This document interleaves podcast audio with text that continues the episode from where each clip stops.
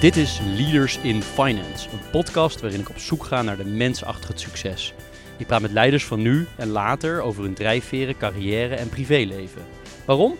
Omdat er meer gesproken moet worden in de financiële sector. Leaders in Finance wordt mede mogelijk gemaakt door Interim Valley, FG Lawyers en Biscuit. Deze aflevering hebben we een geweldig interessante gast, Tim Zoete. Iemand die ik al een ken, maar waarvan bleek dat ik eigenlijk gênant weinig over hem wist. Iets over Tim's achtergrond. Tim Zoete, Z-O-E-T-E, is de medeoprichter en algemeen directeur van Voldaan, V-O-L-D-A-A-N. Voldaan is opgericht in 2014, gevestigd in Den Bosch en opereert in heel Nederland. Voldaan is volledig gericht op het zo snel mogelijk betaald krijgen van facturen van MKB'ers en ZZP'ers. Voldaan neemt de facturen over en rekent ze binnen 24 uur af. Het bedrijf is erg hard gegroeid de afgelopen jaren, een onderwerp waar we nog uitgebreid op terug zullen komen in dit gesprek. Voordat Tim Voldaan oprichtte, was hij actief als senior relatiemanager en projectmanager bij ABN AMRO Commercial Finance en was actief voor haar voorganger Fortis Commercial Finance. Bij Fortis heeft hij het traineeship doorlopen en zijn carrière is hij begonnen in 2002 als sales officer bij Lazer Lafayette Services. Tim heeft een bachelor commerciële economie en een master in management en organisatie. Ik heb het gesprek met Tim als ontzettend leuk ervaren. Ontzettend veel onderwerpen geraakt. Eh, om er een paar te noemen, we hebben gesproken over hoe hij de onderneming is begonnen. De rol van zijn bankaire achtergrond. De rol van geduld die je nodig hebt als ondernemer. We hebben ook gesproken over artificial reality. Ja, je hoort het goed, niet artificial intelligence, maar reality. Over het feit dat hij eigenlijk bioloog wilde worden toen hij jong was. Hoe hij integreerde in een gezin in Alabama, US, inclusief shotguns en pick-up trucks. Over de duo-CEO-constructie. Over de rol van de douche voor de planning van je dag. En waarom de banken fintechs veel marktaandeel toestaan. Kortom, ontzettend leuk gesprek. Uh, ik hoop dat je er net zoveel lol aan beleeft als dat ik eraan heb beleefd. Dus uh, veel plezier. Nou, welkom Tim. Geweldig dat je tijd hebt vrijgemaakt voor uh, Leaders in Finance. Ja. Leuk, uh, leuk om, uh, om jou uh, bij mij te hebben. Ik moet eigenlijk zeggen bij jou. Andersom, zijn, ja, precies. Ik wou ook zeggen welkom Jeroen. ja, ja. We zijn bij jou op kantoor in Den Bosch. misschien goed om te vermelden dat, dat we elkaar al kennen. Ja. uit het, uit het fintech-wereldje. We zijn elkaar heel vaak tegengekomen op conferenties, Ja. op allerlei plekken. Ik kan me de Ehm, eerste keer nog goed herinneren. Ja? Ja. Ik wil dat net zeggen, want waar was dat? Dat was eh, in Den Haag bij een eh, symposium over ehm, subsidies die toen de tijd ter beschikking gesteld zouden worden voor fintechs. En dat was echt lang geleden. Eh, toen was het nog niet zo hip en happening eh, zoals het nu is. Het was denk ik de term fintech ook überhaupt nog niet eens eh, in gebruik. In Nederland in ieder geval niet. Eh, en daar zagen wij elkaar eh, volgens mij voor het eerst. Tenminste, toen wij onze vleugels hadden uitgeslagen buiten de ABN om. Klopt, Ja. klopt. Ja, volgens mij waren jullie net begonnen met bouwen. Ik was net begonnen met bouwen. Dus eh, heel, heel anders nu om zo, zo met elkaar te zitten. Ik kende overigens ook Ad Buis, jouw medeoprichter, ook al bij, bij ABN AMRO. Ik heb de afgelopen vijf jaar jullie best wel gevolgd. Natuurlijk niet van binnen, maar wel aan de buitenkant. Ik vind jullie marketing altijd ontzettend scherp. Eh, to the point. En ook altijd, altijd zit die grappige kwinkslag in. Dat, eh, dat vind ik erg leuk. Ehm, en jullie zijn de afgelopen jaren echt keihard gegroeid. Eh, je timmeren overal aan de weg. Eh, maar wat ik me wel een beetje afvroeg, en dat vragen wel vaker mensen zich af.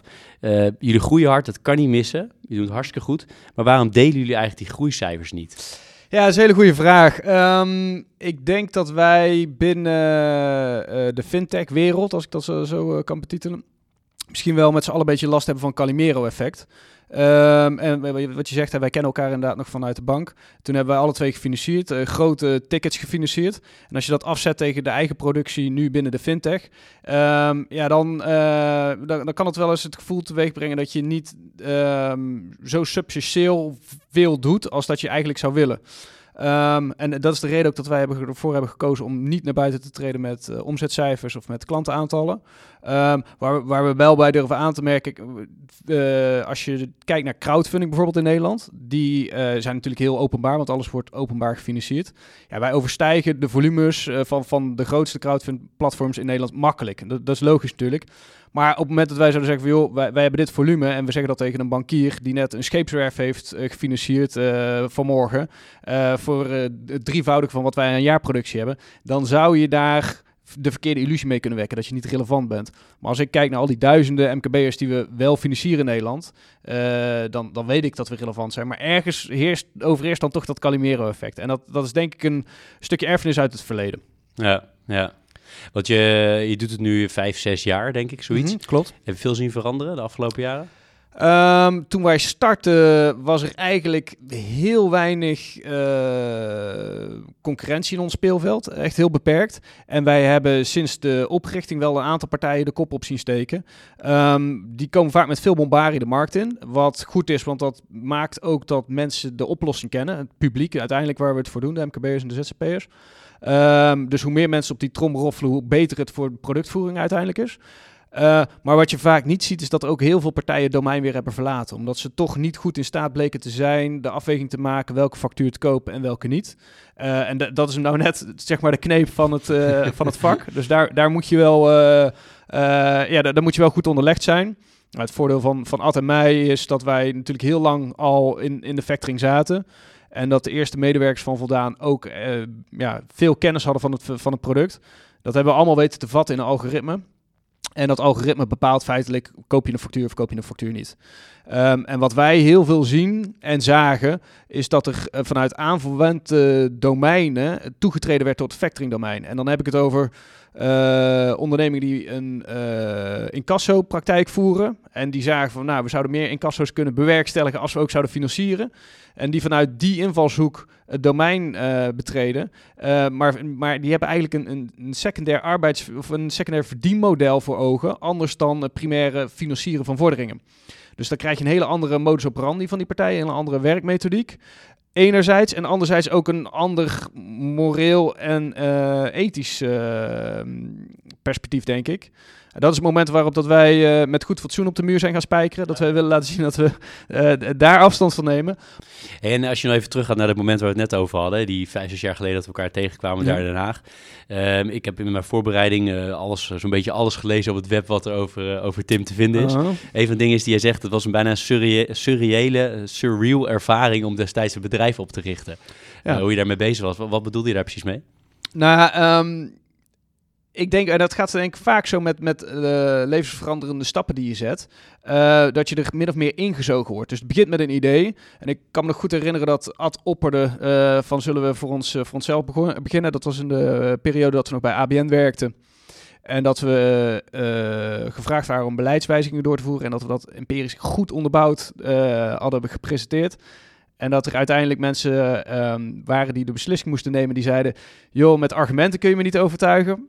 En we hebben dit zo niet gedaan, dus we gaan het zo nooit doen. En eigenlijk is dat, dat, dat was de, de voedingsbodem waarin het zaadje geplant kon worden om te starten met voldaan. En um, dan ga je stap voor stap, uh, word je in zo'n proces zo. We zeggen inderdaad, 2014 zijn we gestart. 2013 zijn we al begonnen met het bedenken hoe dat we mogelijk zouden kunnen starten. Dus er heeft best wel veel voorbereidingstijd aan, aan de grondslag gelegen. Um, en je gaat steeds een stapje verder, ook voor jezelf. In het begin denk je van, nou, we kijken waar het schip strandt. Ik heb er geen geloof in, dus dit zal waarschijnlijk niet gaan vliegen, maar we kijken wel. En steeds stap voor stap wordt het serieuzer en kun je eigenlijk heb je, heb je wellicht ongemerkt het punt van no return al uh, gepasseerd. Um, en uh, komt kon neer op het moment dat je zegt van ja, zullen we het dan maar doen. En, en, dan komt het surreële dat je eigenlijk ja zegt voordat je um, uh, rationeel erover na hebt kunnen denken. Uh, maar dat je emotioneel klaarblijkelijk dus al wel ah, klaar was voor die start. Daar komt het surreële vandaan. Ja. ja. Ja. Wat mooi. En heeft uiteindelijk, uh, aan de ene kant heeft die bank er misschien wel voor gezorgd dat je dus be begonnen bent. Want dat de bank had gezegd, we doen het wel. Nou, dan was het misschien wel anders gelopen. Anders uitgezien, ja. Aan de andere kant, die bankervaring, hoe belangrijk is die nu in je werk? Um, ik denk dat dat het verschil maakt tussen, tussen ons en andere partijen.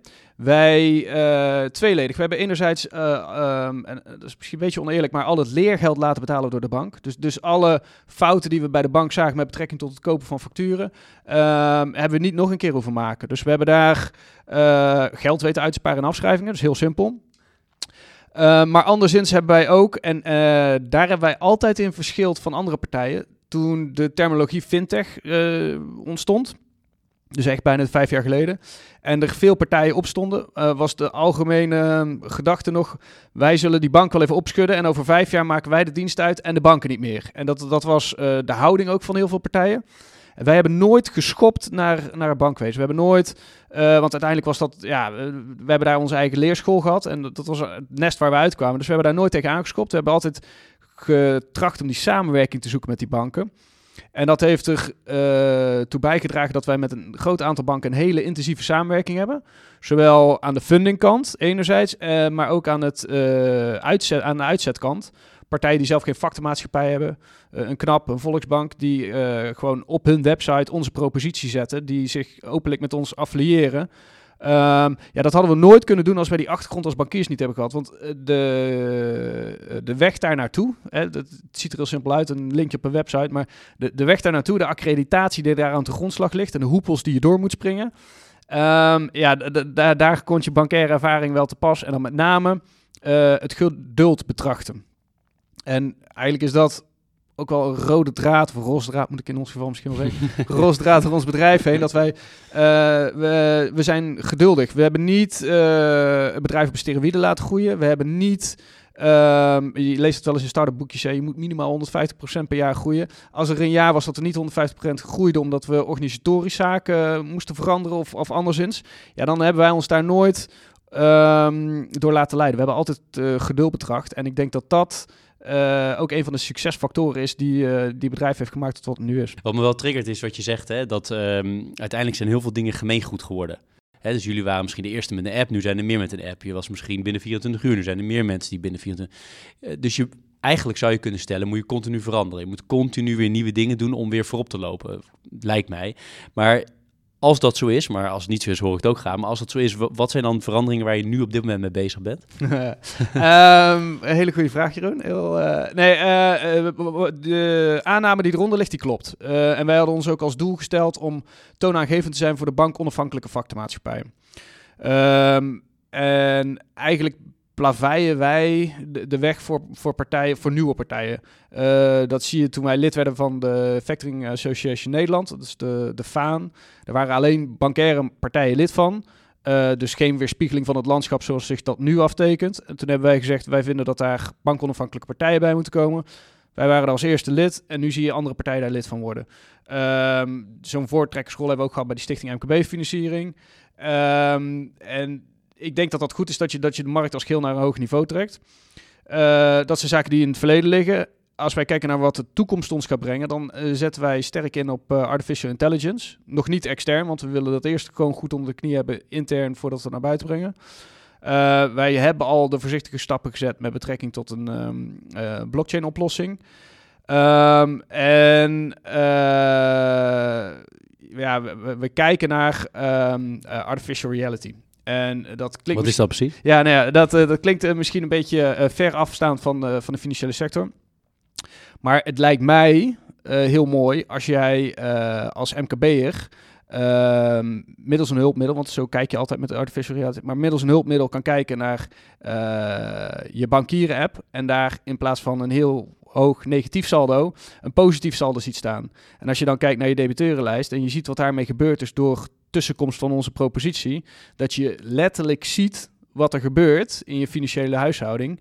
eh, al, uh, alvorens dat je daadwerkelijk beslist om gebruik te maken van een dienstverlening zoals die van ons.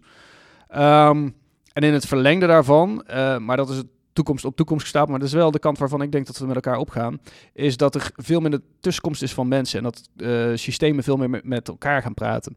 En als je dan kijkt naar bijvoorbeeld een, boekhoudpakket, uh, wat gekoppeld is aan een bankrekening, uh, die twee elementen, die weten, ze hebben geen hersens, maar, maar zij kunnen berekenen of er voldoende saldo beschikbaar is om salarisbetalingen te verrichten over drie dagen. En indien dat niet het geval is, dan zou zo'n systeem ook zelf de beslissing kunnen nemen.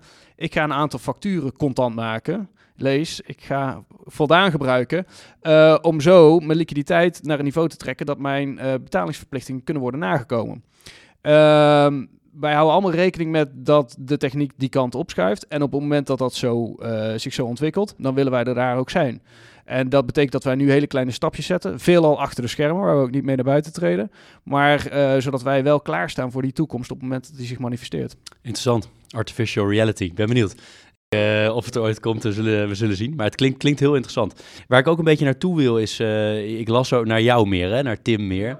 Ehm, en ik las ergens dat jij een echte bossenaar bent. Dus dat wil ik graag nog even bevestigd zien en wat dat dan betekent. Maar ik ben vooral ook nieuwsgierig naar eh, in wat voor omgeving ben je opgegroeid. Op mij kom je nu over als een echte ondernemer. Maar ben je ook, kom je ook uit zo'n soort gezin of niet? Of kan je daar iets over vertellen? Ik zal beginnen met het eerste uh, echte bossenaar. Uh, dat ben ik zeker. Ik ben hele trots bossenaar. Hoe dat ik opgegroeid ben? Ja, um, ik uh, heb een hele prettige jeugd gehad. Um, ik weet niet of ik per definitie klaargestoomd ben voor het ondernemerschap.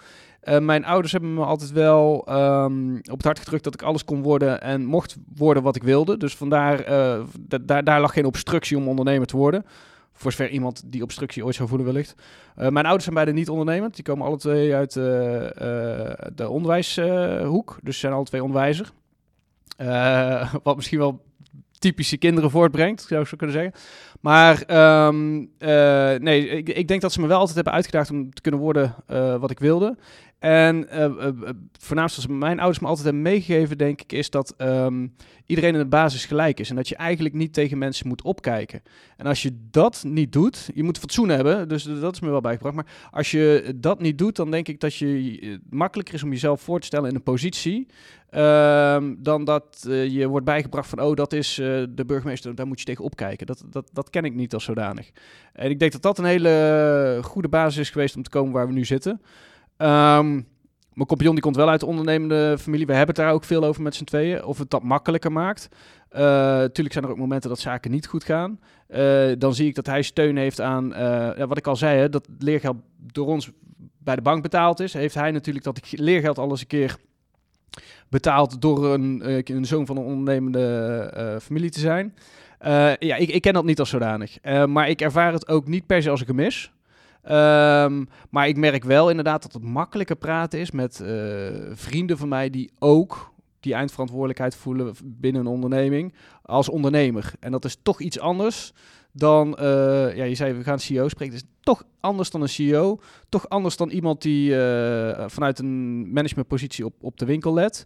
Um, de, de, de, factor trots uh, en, en, en de, de eindverantwoordelijkheid, die combinatie, ja, dat zie je alleen bij een ondernemer. En dat, dat praat toch makkelijker van ondernemer naar ondernemer, dat wel. Bij jou dus vond het niet jammer dat je niet ook onderwijzer bent geworden? Nee, althans dat hebben ze nooit zo uitgesproken. Uh, en ik sluit ook niet uit dat ik het ooit nog doe, Jeroen. Want ik, uh, op de school van mijn kinderen doe ik best wel wat hand- en spandienst, omdat ik dat belangrijk vind. En ergens kruipt het bloed dan toch waar het niet gaan kan. Dus ik sluit niet uit dat er op enig moment nog een, uh, een carrière switch zou plaatsvinden. Als, uh, als, als de voldaan avontuur achter me ligt. En wat we nu al doen, en dat vind ik ook belangrijk, dat doet eigenlijk in de breedte heel veel mensen die bij, bij Voldaan werken, zaken voor de onderwijsinstituten hier in de omgeving. Dus ik geef wel eens gastcolleges en daar geniet ik ook echt van. Uh, maar we begeleiden ook mensen met een afstuderen en dat soort zaken. Dus uh, we kruipen wel een beetje richting dat, uh, richting dat onderwijs. En als je nou terug gaat naar de jeugd, nog, nog één ding daarover ben ik nieuwsgierig naar. Ik weet namelijk, en dat geeft jou wel tijd om ook wat na te denken. Ik weet bij mezelf dat ik heel lange tijd wilde ik hoofdcommissaris worden van politie. Mm -hmm. Totaal iets anders in de richting waar ik helemaal niet in ben gegaan. Mm -hmm. Was dat bij jou ook zo? Dat je momenten, dat je lange tijd in je jeugd, ja? Uh, ik heb heel lang bioloog willen worden. uh, en uh, mijn ouders wisten niet zo goed wat ze daarmee aan moesten. Ehm, niet zozeer omdat ze mij niet gunden om bioloog te worden, denk ik. Maar misschien omdat ze mijn competenties niet helemaal in lijn zagen liggen met, met de biologiestudie. Dus ze hebben heel voorzichtig toen Uh, een oom van mij laten, laten vertellen dat het toch wel een hele zware, lange studie was. Um, maar ik heb uh, van de jongens aan altijd al een fascinatie gehad voor, voor de natuur. Die heb ik eigenlijk nog steeds. Ik tuinier heel graag, dus ik kan daar ook echt mijn rust in vinden. heeft een bepaalde meditatieve werking op mij. Um, maar ik, ja, nee, dus ik ben totaal ergens anders terechtgekomen dan waar ik zou komen. En ik had ook nooit verwacht dat ik in het financiële spectrum terecht zou komen. En ik weet ook niet eens het leven gebeurt je en, en, en, zaken opeenvolgend wat je zegt, een traineeship en dan stroom je uit. Dus dat is, dat is logisch. Maar um, als je mij achteraf had gevraagd van ben je nou, uh, past dat financiële domein nou bij je? Dan denk ik dat niet zozeer. Het, het domein voldaan past bij mij en de ruimte die wij innemen uh, past bij mij. Maar het hele strakke omlijfde keurslijf van een, van een bankier was dat niet. En met name, dat zie je ook al aan de start van Voldaan. Dat op een gegeven moment zeiden we, ja, tot hier en niet verder. En ik heb dat best wel lang volgehouden. Um, ook een tijd in de UK gezeten, dus ook, ook gemerkt hoe dat uh, bankier, uh, bankiersvak in andere culturen wordt bedreven. Um, ja, terugkijkend ben ik heel gelukkig dat ik in het financiële domein terecht ben gekomen. Anders was Voldaan nooit ontstaan. Maar ehm, of het nou een match made in heaven is, dat weet ik niet. Dat weet ik niet. Het had zomaar eh, een ander domein kunnen zijn. En dan grijp ik terug naar wat je zegt van die marketing. Dat is duidelijk mijn stempel op voldaan. Ja, dat had ook een, een groothandel kunnen zijn. Eh, dat, dat had niet specifiek eh, een financieel domein hoeven te zijn. Ehm, nou denk ik dat het wel makkelijker is om op te vallen binnen een financieel domein als je net wat eh, more cutting edge eh, marketing gebruikt dan, dan bij een groothandel. Maar het is niet eh, een, een, een voorliefde die al in een heel pril jeugdstadium is ontstaan. Nee, nee verre van. je noemde al even in, de, in het Verenigd Koninkrijk, hè, daar heb je volgens mij voor werk gezeten. En dan een stuk verder terug, eh, wat ik ook in de introductie zei trouwens, is dat je in de Verenigde Staten hebt gezeten. Wat, wat was dat? Waar zat je? En hoe, wat, wat heb je daar veel van, waarvan je het vandaag de dag nog steeds aan terugdenkt eh, als je... Ja, ja, ja, ja. Eh, daar heb ik ook heel veel geleerd. Ik heb eh, een hele beschermde, veilige, prettige jeugd gehad. En ehm, ik heb op enig moment de overstap gemaakt van het VWO naar de HAVO, waardoor dat ik wat eerder klaar was, een jaar eerder klaar was met de middelbare school dan mijn, mijn vriendjes van de middelbare school. Hadden mijn ouders het idee geopperd van, nou moet je misschien maar eens een jaar eh, naar buitenland gaan. Eh dat is goed voor je taalontwikkeling. Mijn vader had ook een buitenland gewoond, moeder trouwens ook, al in het buitenland gewoond. dus eh, wellicht is dat goed voor je. En ook voor je persoonlijke ontwikkeling. En ook dat start eigenlijk weer vrij veilig. De moeder van mijn beste vriend die, die bestierde een organisatie die, in ontwik of die uitwisselingen ehm, op high school niveau deed. Dus eh, zo gezegd, zo gedaan. Ik had me daar ingeschreven. Ik had keurig netjes die, eh, die procedure doorlopen. En toen werd ik eh, dus op het vlieg, vliegtuig gezet. En dat was eigenlijk een realisatiemoment voor mij. Oh, nu, nu moet ik het zelf gaan doen. En toen, ik moest daar nog 18 worden, dus relatief jong. Ehm, en toen kwam ik terecht in, in Alabama. Dus Oh. toen- ja. Deep South. ja, ja, ja, ja. En niet per se de meest ontwikkelde staat van de, van de Verenigde Staten. Ehm, maar dat heeft er eh, uiteindelijk. Ik heb een fantastische tijd gehad daar. Ehm, maar ik ben daar echt terecht gekomen. Net niet in een trailer, maar het zat er wel heel dicht tegenaan. Er stonden trailers bij ons in de straat. En daar woonde ook heel de familie. Eh, en eh, iedereen reed in pick-ups. En in het begin had ik wat moeite met ze te verstaan, maar dat ging er vrij snel af. Eh, na, na een hele korte tijd begon ik me ook te kleden zoals die mensen. Ehm, dat dan wel weer een beetje tot, tot schok van mijn ouders. Dus mijn moeder heeft een broer langs gestuurd van... joh, die, die moest in de buurt zijn van... ga eens kijken wat daar gebeurt allemaal. En die kwam terug en die had de, hele eh, accurate bevinding. Eh, het zijn misschien mensen met een wat afwijkende leefpatroon van ons... maar wel met de hart op de juiste plek. Het zijn hele lieve mensen en Tim is daar op zijn plek. En hij wordt daar gewaardeerd. En eh, zo heb ik het ook ervaren. Ik heb daar tien, jaar, of, tien, tien maanden gezeten, elf maanden gezeten.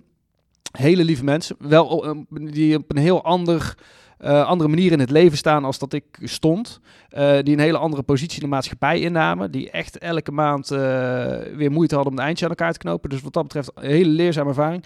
Maar en ik heb nog heel warm contact met ze ook nu nog, na al die jaren. Ehm, eh, maar voor mij was dat een leerles dat, dat gewoon een, een kijkje in een cultuur, sowieso een andere cultuur, Amerikaanse cultuur, maar dan ook nog in een ander subdomein van die cultuur dan wat je gewend bent. Op, op die jonge leeftijd, dat heeft mij wel, eh, ja, dat heeft mij wel gevormd. Ik heb daar wel heel veel aan overgehouden. En ook op het moment dat ik eh, voor hete vuren sta, denk je, joh, ik heb elf maanden achter in een pick-up rondgereden met, eh, met een shotgun. Dus eh, dit, dit komt ook wel goed, zullen we zeggen. Dus, eh, nee, daar ligt wel een vorming. Ja. Ja. Ben je er Ja, wel eens ik terug geweest? Ja? Jazeker, ja, ja. ja. Ehm, ik heb daar ook een Amerikaans rijbewijs, dus ik moet om, om de zoveel tijd moet ik terug om een mijn Amerikaans rijbewijs te laten vernieuwen. Ehm, nee, en ik, ik, ik heb, wat ik zeg, ik heb nog heel warm eh, contact met die mensen. En ik vind het ook prettig om daar te zijn, omdat dat ook weer herinneringen naar boven haalt eh, van een... ja, van een periode die ik toch echt wel... Die, die ook zwaar was bij tijden, maar die ook heel prettig was. Het was anders. Ik heb later ook nog veel voor die uitwisselingsorganisatie gedaan. Ehm, ik weet nog dat toen ik daarheen ging, dat ik een e-mailadres had aangemaakt voor mijn vertrek. Om, dus, dus het hele digitale domein en de, de fintech-wereld en alles wat we nu kennen qua snelle communicatie, die was er toen gewoon niet. Dus je belde met elkaar en, en mijn vrienden hadden geen e-mail. Dus ik moest e-mail sturen naar de ouders van mijn vrienden. Dus dat was allemaal een beetje ook nog gecensureerd wat ik kon sturen natuurlijk. Dus ik zat vol met verhalen na die elf maanden. Ehm, eh, ja, dat was een andere tijd. Maar nee, ik kijk daar heel, heel goed op terug. Ik heb daar echt veel geleerd. Ik heb daar veel aan gehad. Ja. En toen je eenmaal begon met werken, hoe carrièregericht was je? Want je hebt al verteld, ja?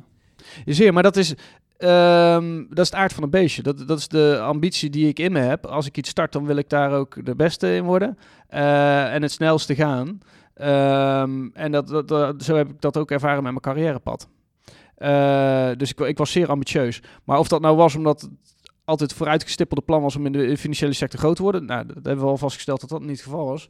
Maar meer omdat ik er eenmaal in zat, wilde ik dan wel eh, het hoogst haalbaar eh, bereiken. En, Ja. en waar uitzicht dat in? Hè? Want eh uitzicht dat in heel hard werken of steeds nieuwe dingen doen? Van, wat, wat, waar zit het in dat je heel carrièregericht bent? Heel concreet, heb je daar voorbeelden van? ik denk ook wel bezig zijn met de route die je uitstippelt om te komen daar waar je wil komen.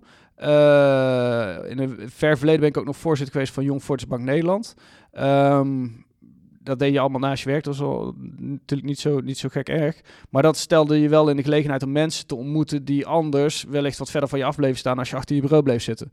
Dus op die manier ben ik er altijd wel op uitgegaan. Eh, en niet zozeer met, met de gedachte van oké, dan kan ik eh, die ontmoeten en dan zorgt dat voor dit. En dan kan ik op mijn carrière op die manier. Maar, maar juist door die, door die houding van erop uit te gaan, ontstonden er kansen. En waren die makkelijker te creëren. Ik denk dat je het in dat licht moet zien. Ja, maar, maar ik kan me iets bij voorstellen. En als je naar, eh, na- naar de toekomst ke- keek en nu kijkt, eh, hoe, ben je dan nog steeds zo ambitieus als dat toen je begon? Of is dat minder geworden? Of hoe, hoe kijk je daarnaar? Hoe ver plan je vooruit ook?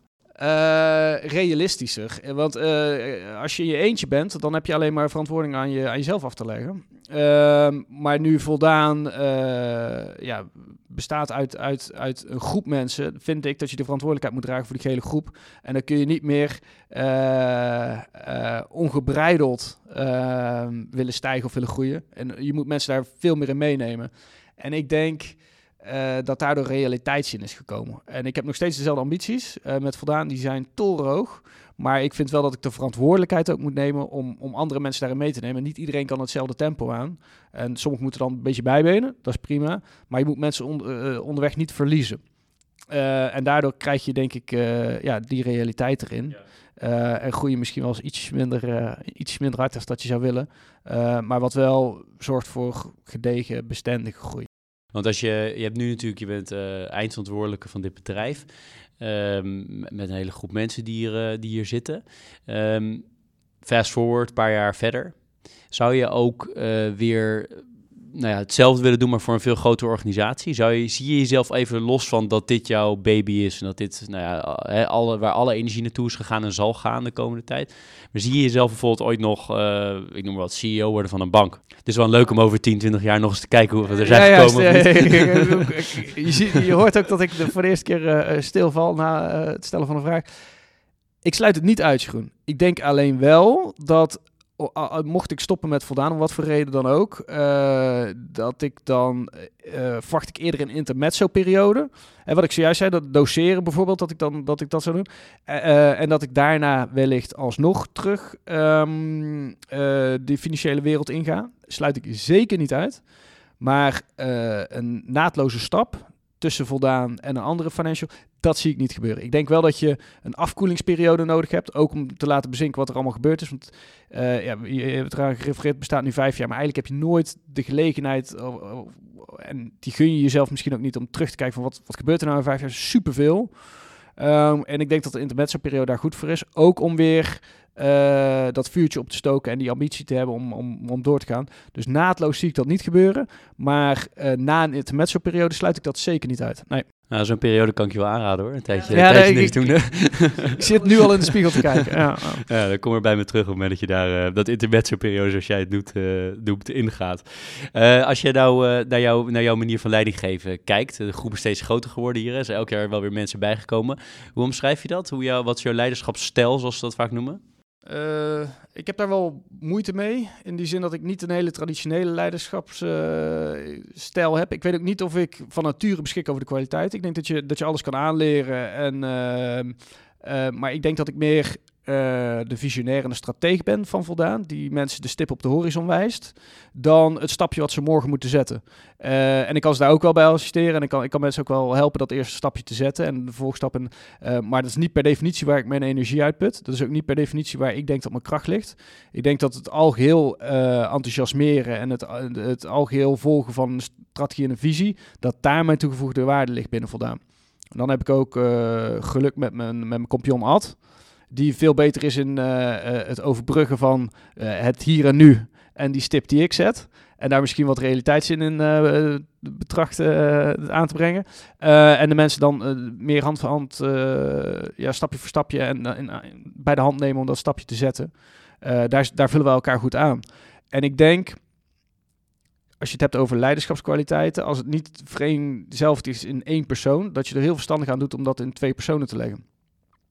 Um, toen wij starten hebben we gekeken naar bedrijven met een dubbele CEO-rol. En die zie je toch stiekem best nog wel veel. Ook grote bedrijven hier in Den Bosch, SAP.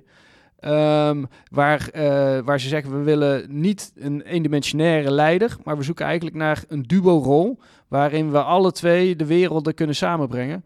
Um, en ik denk dat dat bij altijd bij mij ook zo werkt. Als ik er niet in slaag om iemand dat, uh, dat eerste stapje te laten zetten of echt aan de hand te nemen, dat Ad even inspringt, heel subtiel, zonder overleg eigenlijk, heel natuurlijk. Um, en, maar dat ik, uh, dat ik mensen ook weer die stip op de horizon voorhoud. Van jongens, daar gaan we naartoe. En vergis je niet, uh, ook al is het maandagochtend uh, Blue Monday, dat is wel waar we naartoe gaan. Ik heb al het gevoel dat dubbel CEO-rollen fantastisch zijn. Maar vooral fantastisch zijn als het goed gaat tussen die twee. En tot dat moment. En daarna is het van, waar is de ene kapitein? Of zie jij dat anders? Nee, oh, ik zie dat precies zo. Um, en ik uh, zie de magie ook tussen twee personen. En op het moment dat Ad zou verruild worden door een ander, dan is het maar te bezien of die magie er ook is. Maar zolang je die magie hebt, uh, zou ik voorstander van zijn om hem gewoon te benutten. En dan zie ik geen reden om dat, om dat op een andere manier in te richten. Um, maar helemaal met je eens, zoek maar eens twee personen die, die zo met elkaar, zo natuurlijk elkaar aanvullen. En ik denk, eh, toen wij weggingen bij ABN waren er heel veel mensen die zeiden: Hé, jullie twee, maar jullie zijn toch helemaal geen vrienden? En eh, dat is ook niet nodig als je maar elkaar respecteert in wat je doet, elkaar de ruimte geeft en ook uh, ervan overtuigd durft te zijn dat wat die ander doet, dat er beter is dan wat jij doet in die aanvulling. Ja, dan heb je, dan heb je die magie. Op het moment dat er. Uh, verschillende inzicht ontstaat, ja, dan moet je er heel snel mee stoppen, denk ik, want dan wordt het een rotzooitje. En als je, we hadden het in het voorgesprekje even over wat jij uh, ontbeten had vanochtend om, uh, om hier het geluid en zo, uh, zo, zo, te testen. Maar daar wil ik ook nog even naar terug naar dat moment. Want als jij s ochtends opstaat, hè, gewoon heel praktisch, wat en je gaat denken aan je dag, hè, wat zijn dan de, de echte triggers voor jou waar je echt gemotiveerd wordt? Dat je echt denkt van daar zie ik nou die dingen, daar word je echt, echt enthousiast van. Als je ochtends zo opstaat en je bent dan waarschijnlijk nog bezig met je familie en dat soort dingen. Maar als je aan het werk begint te denken. Eigenlijk begint mijn werkdag de avond daarvoor. Want ik weet heel goed, ik, voordat ik in slaap val, weet ik heel goed wat ik de dag daarna ga doen. Uh, soms droom ik er dan ook nog over. Dus ik weet niet of het nou best advies is wat ik kan geven aan iemand. Maar um, dus ochtends sta ik, scherp op, weet ik ook wat, wat gaat gebeuren. Ik heb de neiging om nogal lang te douchen. Dat is het moment waarop ik mijn heel, mijn dag nog een keer doorloop. En eigenlijk al bepaalde gesprekken misschien in mijn hoofd ook al een beetje voer. Um, en da daarna begint inderdaad de hectiek van uh, jonge kinderen die aan de ontbijttafel met lunchtasjes naar school moeten. Uh, dan, dan verlies je het eventjes. Maar dan is er nog een klein moment. ik heb net al gezegd dat ik woon waar ik werk. Een klein moment dat je in de auto zit. en zodra ik de trap neem, die neem ik wel elke ochtend hier, vier verdiepingen omhoog, en hier de deur binnenkom, dat is wanneer de energie echt begint te stromen. Omdat dan ook uh, ik de rest van het team zie en ik die toch nodig heb om de, ja, om, om de laatste zwengel van die energie tot stand te brengen. Dus daar gebeurt het. En als je, je, je hebt natuurlijk het beste voor met het bedrijf. Dat, uh, dat lijkt me logisch. En voor de mensen die er werken. Heb je ook bepaalde dingen waarvan je zegt, daar, daar draag ik, daar, daar wil ik graag bijdragen, breder dan, uh, dan het bedrijf. In de samenleving of in de economie zie je daar dingen waarvan je zegt, dat, dat vind, ik, uh, vind ik belangrijk en dat heb ik altijd in mijn achterhoofd. Ik ga hier niet het woord prediken of ik ga hier niet ehm, ons heel vroom voordoen. Maar wij hebben hier op de deur staan met goed fatsoen. En ik denk dat dat alles zegt. Het feit dat wij ons daar zo aan willen verbinden, dat wij zo uh, intrinsiek gemotiveerd zijn om zaken met goed fatsoen te doen. Um, daarmee denk ik dat wij de, de samenleving heel sterk dienen. Um, en natuurlijk uh, geld overmaken naar goede doelen, dat doen we ook wel. En, uh, maar, maar het begint met, met, met goed fatsoen met elkaar te handelen. En het is heel makkelijk, zeker in ons domein, is het heel makkelijk om mensen die uh, financieel ongeletterd zijn, uh, die geen kant op kunnen, om die het vel over de oren te trekken. Maar dat zul je ons nooit zien doen. Dat is ook de reden, eh, we hebben het niet heel specifiek over product gehad, is ook niet erg, maar um, een van de elementen van onze productvoering is dat iedereen dezelfde prijs betaalt. En dat wij nooit, nooit, nooit iemand nog een kwartje aanrekenen nadat hij wist welke keuze dat hij maakte voor welke prijs. Ehm, en dat, dat zit zo, zo sterk in ons DNA geweven eh, van iedereen die hier werkt. ehm, dat, dat ik denk dat dat mijn antwoord zou zijn op wat wij bijdragen aan deze maatschappij, is dat, dat wij gewoon met goed fatsoen handelen. En ik heb er ook al even aan gerefereerd dat mensen vanuit eh, de incassopraktijk starten. Ja, die hebben als doel om een klant gewoon helemaal leeg te knijpen. En, en voor vijf jaar vast te leggen en allerlei zaken die die klant niet overziet, eh, voor eigen gewin aan te wenden. Ja, dat zul je ons nooit zien doen. En ehm, eh, dat maakt het soms wel lastig, want het het is natuurlijk meer geld verdiend in als je dat wel doet. Ehm, en het feit dat wij mensen ook niet vastleggen, wat ik zeg, voor, voor langere periode, maar dat ze elke dag kunnen stoppen met ons product, maakt het soms ook wel moeilijk om cash forecasting en customer lifetime cycles eh, contant te maken. Nou, dat zul je snappen.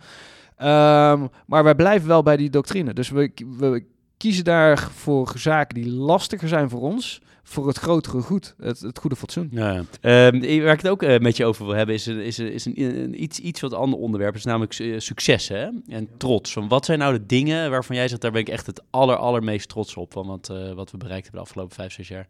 Ja, dat ligt in mijn eigen domein. Ik denk, ik denk eh, de positionering van het merk. Eh, het feit dat jij het interview start met, joh, jullie marketing is altijd cutting edge en dat, eh, dat valt iedereen op. De positie die wij in het domein innemen. En laat onverlet dat wij daar geen uitspraak over doen welke positie dat het is en hoe groot het te zijn. Maar dat wij meetellen als serieuze partij.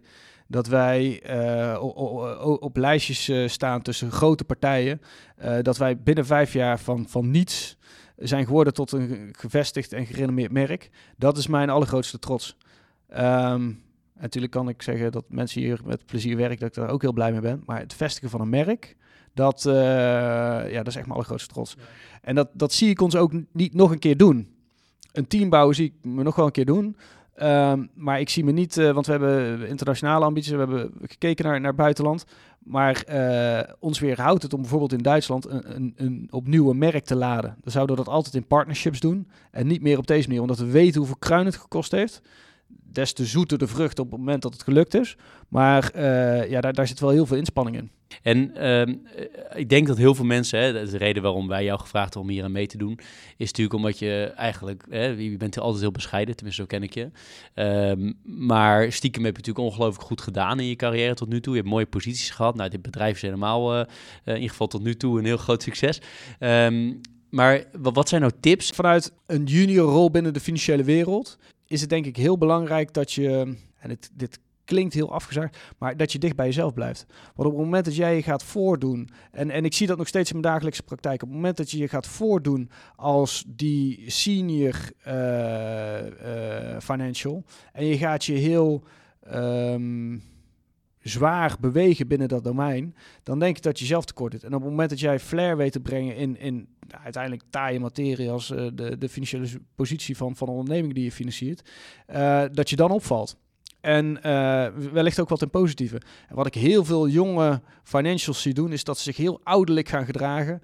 Eh, dat ze eh, zich op, op social media ook heel ouderlijk, dat, dat, dat met name de zaken waarvan ze denken, dit draagt bij aan hoe senior dat ik word gepercipieerd eruit lichten.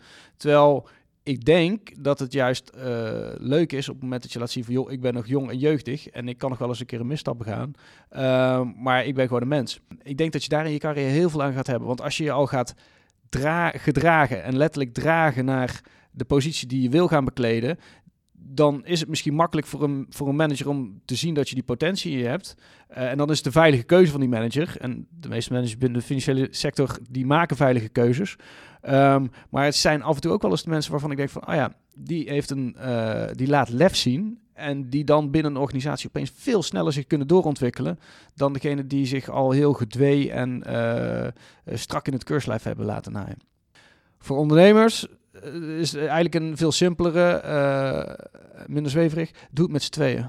En dat, ik heb dan net CEO, het- de duo CEO-schap aangehaald. Dit is ook wat ik altijd tegen studenten op eh, opleidingen zeg. Doe het met z'n tweeën. Gedeelde smart is half smart. En iedereen die denkt dat je, als je op een idee zit van, oh, ik durf het niet tegen een ander te zeggen, want dan gaat hij ermee vandoor. eh dan is je idee niet goed genoeg. Op het moment dat jij iemand in vertrouwen neemt en zegt, joh, wij kunnen dit samen doen. En je hebt die overtuigingskracht intrinsiek omdat je in dat idee gelooft. Dan ga je er met z'n tweeën voor. En met z'n tweeën kun je echt significant veel meer bereiken dan in je eentje. Leuk, mooi. Nog andere dingen, nog andere tips voor, eh, voor mensen? ik denk, maar, maar dat is meer in brede vorm, meer, meer in het leven. Dat is ook, het is ook iets wat ik tegen mijn, uh, tegen mijn zonen zou zeggen. Ik denk dat uh, de grootste troef die je hebt als mens is positief blijven. Ook al, ook al is een, situatie uh, niet heel ideaal. En die, die doen zich hier ook voor. Hè? We, bedoel, je hebt een bedrijf vijf jaar lang bestuurd. Er zijn gewoon momenten die niet ideaal zijn. En er zijn heel veel momenten waar je aan terug kan denken van... Ai, dat had ik anders moeten doen. Maar op het moment dat je jezelf toestaat om niet meer positief te zijn... of niet meer positief zaken uh, te benaderen... ja, dan is dat het begin van het eind. En ook als je dat uh, in die samenspel hebben met um, uh, Ad en mij bijvoorbeeld... als je dat bij een ander ziet gebeuren, dan moet je interveneren. En dan moet je zeggen, joh, ik zie dat je je positief, positiviteit aan het verliezen bent. Um, wat is er aan de hand? Hoe kunnen die terugkrijgen? Want als je niet zelf positief bent, niet zelf positief in zaken staat, dan uh, kun je een ander ook nooit meekrijgen. En dat is het begin van het einde. Ja, nou, dat voelt iedereen meteen. Nee, zeker.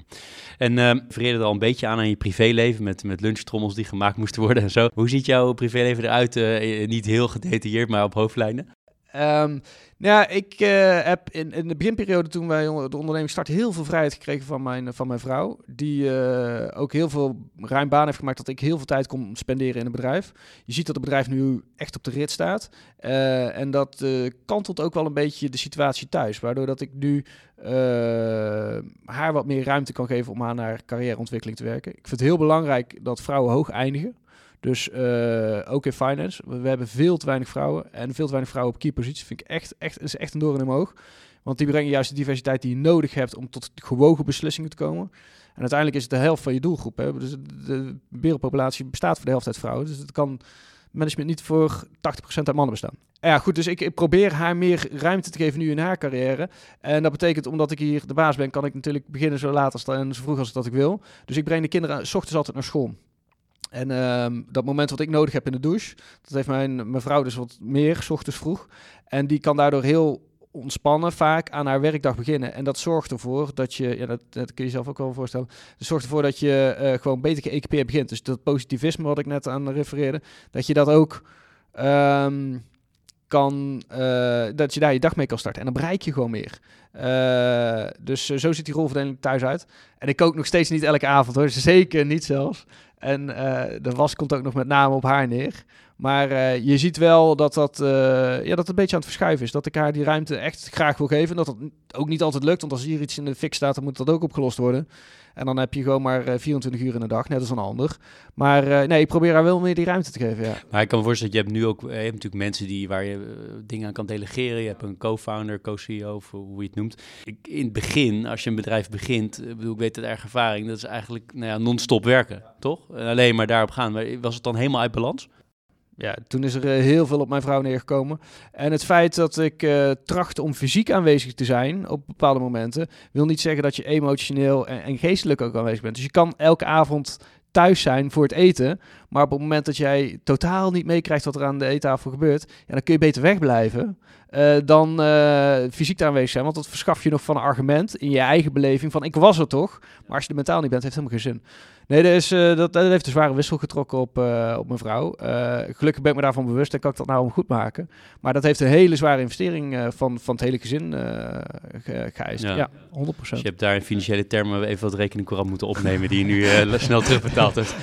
ja, ik ben nog bezig met het doen van mijn afbetaling. Ja, afbetaling, oké. Okay, ja. um, als we het verder over jou, jouw privé hebben, um, in combinatie met je werk... Ja. Uh, hoe blijf jij fit? En dan heb ik het over geestelijk, mentaal fit, maar en fysiek ook gewoon. Hoe, hoe zorg je dat je dat, uh, dat organiseert? Maar ik heb net al gezegd dat als ik iets doe, dat ik daar de beste in wil zijn. Dat, ik, uh, um, dat ben ik niet met sport.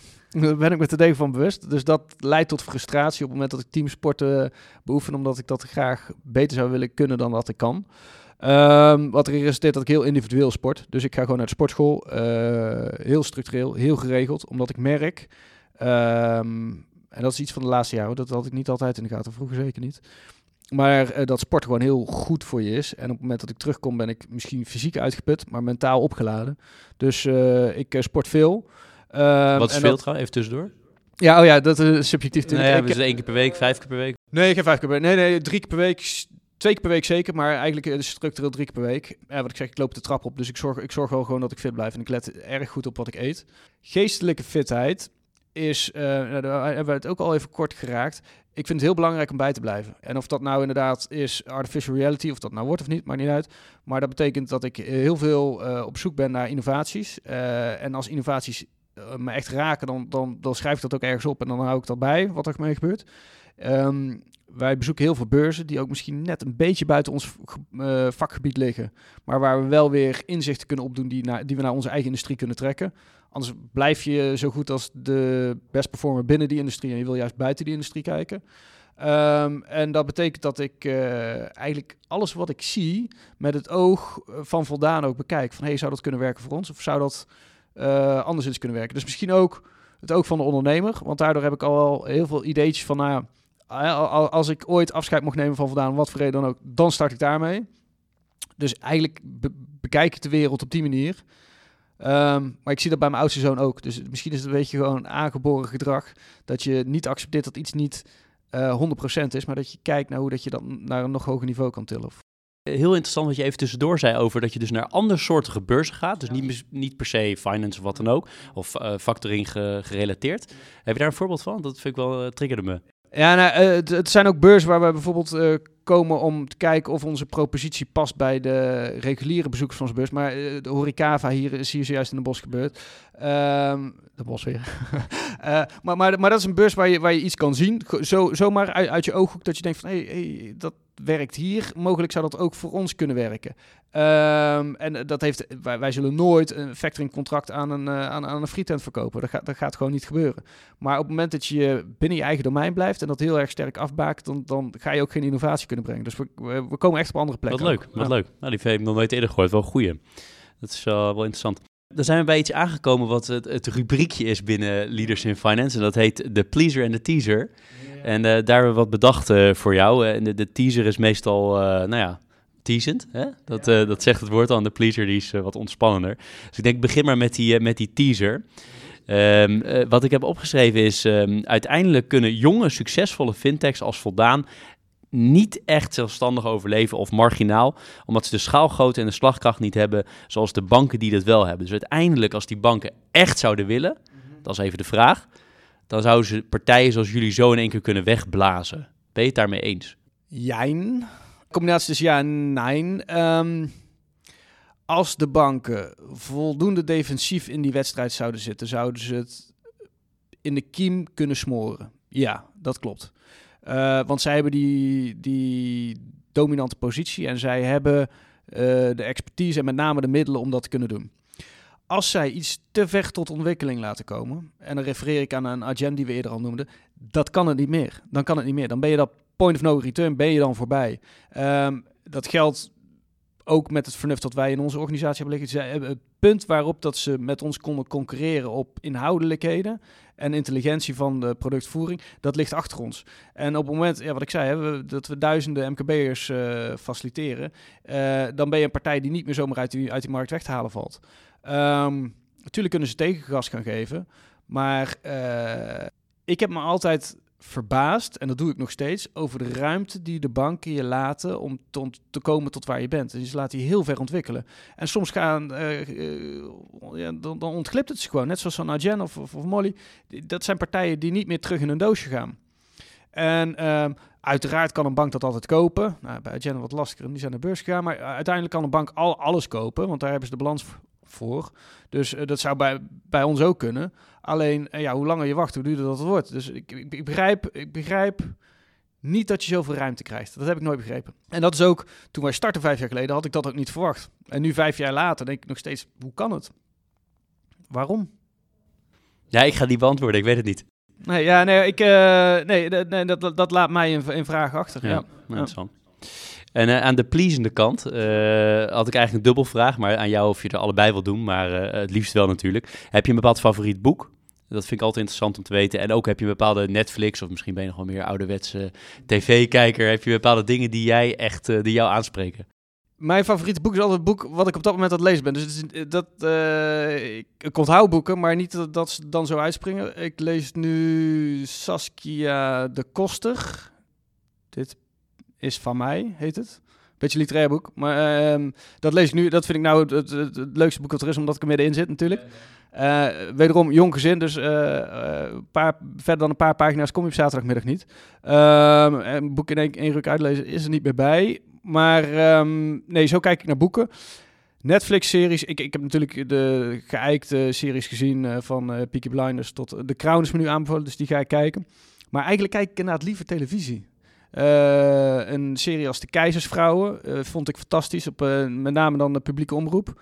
Ehm, en het hele fenomeen, misschien ben ik, ik zei net dat je niet ouderlijk moet lijken, maar het hele fenomeen dat je gewoon een week moet wachten op een aflevering, ja, dat, dat staat me eigenlijk wel aan. Eh, en het opbouwen van, eh, van de verwachting van hoe die afleveringen zijn. En het, simpelweg achter Netflix gaan zitten en dan 15 eh, afleveringen achter elkaar kijken. Ja, dat doet misschien toch wel een beetje afbreuk aan het opbouwen van, eh, van anxiety, zeg maar. En dat, ja, dat vind ik eigenlijk, eigenlijk vind ik dat wel leuker in traditionele televisie. Ja. Leuk, leuk om te horen. Mooi. Ehm, de laatste vraag die heb je eh, van tevoren van mij gehad. Dus eh, wellicht heb je daarover kunnen nadenken. Dat is namelijk de, wie is jouw leader in finance? Wie, wie is voor jou echt een mooi voorbeeld?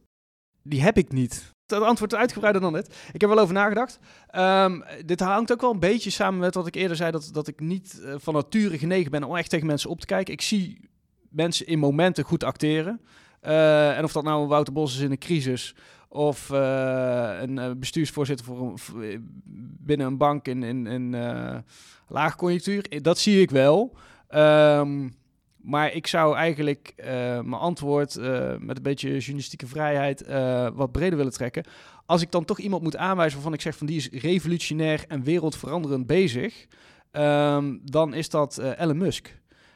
En dat lijkt me geen prettige man. Gewoon van, van wat ik van buitenaf meekrijg. Ik denk ook niet dat ik hem als aardig zou klassificeren. Maar dit is wel een man die eh, weinig geduld heeft met de toekomst. En die de toekomst naar zijn eigen hand zet. En of dat nou te maken heeft met. eh, of, of dat nou zijn project is met die auto's. Of met die Hyperloop. En, eh, of, of naar de maan gaan. Dit is wel een man die de, toekomst versneld bij ons, bij ons brengt. En dan vind ik je. ja, dan vind ik dat je zo, zo'n titel verdient. Ehm, en dat is eigenlijk ook weer buiten onze eigen industrie kijken. En dan is dat cirkeltje misschien ook wel rond. Nou, volgens mij, maar dan moet ik even oppassen wat ik zeg. Maar volgens mij is ook in de financiële industrie zelfs begonnen met, met PayPal en zo. Maar misschien zeg ik nu iets heel raars. Ik zal het nog eens nakijken en eh, ergens op de website onder deze show eh, notes zetten of vermelden of het klopt wat ik zei. Volgens mij komt hij uit die hoek. Maar nee, ik snap het. En deze, overigens heeft Elon Musk een mooie, zijn mooie biografie is er over hem. hey, Tim, is er nog iets waarvan jij zegt dat had ik echt nog wel hier willen zeggen? Ik denk dat we heel veel geraakt hebben. voor wat je mag verwachten binnen dit, ti- dit tijdsframe. Eh, dus nee, ik heb niet direct zaken waarvan ik nu zeg van... oh, dat had ik willen benoemen. Die gaan zeker nog wel komen. Dus mocht er een eh, soort van eh, vervolg komen... of een tweede sequence of wat dan ook... net als bij de publieke omroep... dan, dan ben je van harte welkom om, om die nog een keer hier te komen opnemen. Want ik vond het ook leuk. heel, heel leuk om te doen. Hartstikke leuk. Nou, mooi om te horen. Daar hou, daar hou ik je zeker aan, want ik wil heel graag nog een keer hebben over, over een tijd. Tim, hartstikke bedankt. Geweldig leuk interview. Ontzettend leuk. Ik moet eigenlijk gesprek zeggen, maar heel erg, heel erg leuk om met jou te praten. Eh, ik word er heel enthousiast van. Er zit heel veel in. Ik ga hem zekel ook zelf naluisteren, want er zitten heel veel interessante dingen in. Ehm, en eh, nou ja, ook bedankt dat we hier in het eh, door jou geliefde Den Bosch, of Sertogenbos, eh mochten zijn. Dus eh dankjewel. Jij ook. Geel wederzijds. Dit was Leaders in Finance. Elke week weer een nieuwe aflevering. Elke week weer een mens achter het succes. Ik vind het belangrijk om te zeggen, deze podcast zou er niet zijn zonder onze partners Interim Valley, FG Lawyers en Biscuit.